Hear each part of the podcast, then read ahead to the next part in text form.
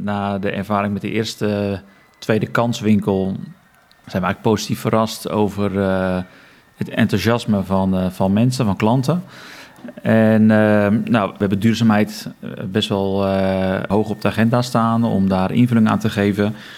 En met de overname van bakkerij Thijsseman nou, kwamen er een aantal winkels beschikbaar, waarvan niet elke winkel levensvatbaar zou zijn om door te zetten als een gewone bakken van winkel.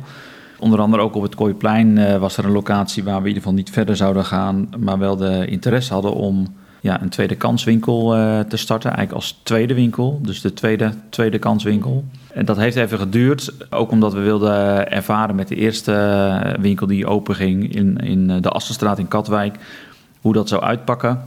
En, en ja, zo is die uiteindelijk toch tot stand gekomen. Dus we gaan daar ja, vanaf 1 juli starten. Wat is een tweede kanswinkel? Tweede kanswinkel is uh, ja, eigenlijk een, uh, een nieuw concept. Brood, een maquette wat wij over hebben, wat uh, in principe altijd wel een goede bestemming krijgt. En in de keten als laatste als diervoeder weggaat. daar is het eigenlijk niet voor gemaakt en bedoeld. Mm De bedoeling is dat het voor de consument is. En er is ook een consument met een kleinere portemonnee. Omdat er toch veel mensen zijn die het een stuk zwaarder hebben gekregen. En financieel niet in staat zijn om gezonde, lekkere eh, producten altijd eh, te kunnen kopen. Nou, dat gat wilden wij eigenlijk invullen met, eh, met brood en panket. Ja, met de stroom van producten die overblijven in onze winkels, krijgt dat eigenlijk een soort tweede kans, een nieuwe bestemming.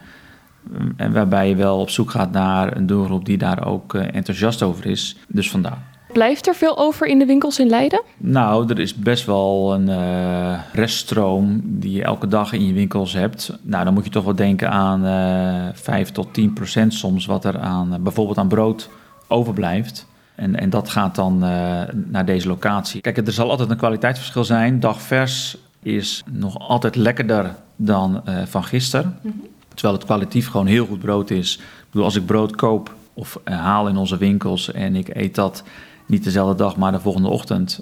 Dat is eigenlijk wat je daar krijgt. Iedereen weet dat brood vers uit de oven vandaan met een krokant korstje, ja, daar, dat is nog even een stukje lekkerder. En dat geldt ook voor een, uh, een gebakje. Dus ja, dat is de keuze denk ik die de consument uh, maakt op basis van heel erg lekker of gewoon lekker. En ik geloof niet dat, dat, uh, dat de consument uit onze bestaande winkels dan allemaal zullen doorlopen naar deze winkel. Het heeft ook te maken met de locatie en beschikbaarheid. Maar het is wel een hele nieuwe doelgroep die we daar denk ik mee kunnen bedienen. Uh, die uh, vooral in die omgeving het hopelijk omarmt.